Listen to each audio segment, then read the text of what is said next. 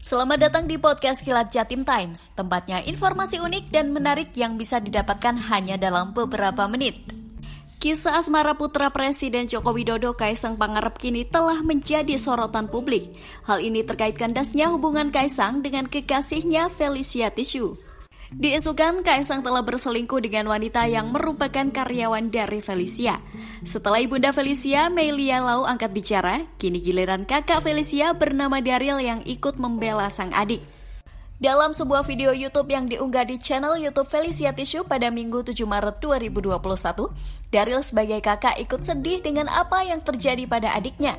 Terlebih, Kaisang telah dipercaya untuk menjaga Felicia.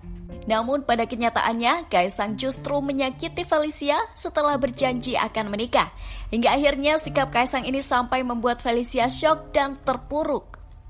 Dikatakan Daryl, sebagai wanita yang setia dan berkomitmen pada pria yang ia percaya, Felicia telah ditinggalkan tanpa kejelasan, selain bukti nyata bahwa ia diselingkuhi secara emosional maupun spiritual.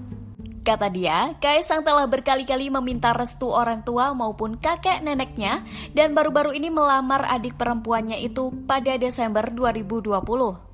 Lebih lanjut, ia menyebut Felicia telah berupaya menghubungi Kaisang sejak ditinggalkan tanpa kejelasan pada Januari 2021. Pada Januari 2021 itu, Kaisang menghilang setelah memberitahu Felicia melalui surat tertulis bahwa ayahnya telah setuju Sementara Felicia heran dan kebingungan. Felicia berkali-kali mencoba menghubungi Kaisang namun tidak berhasil.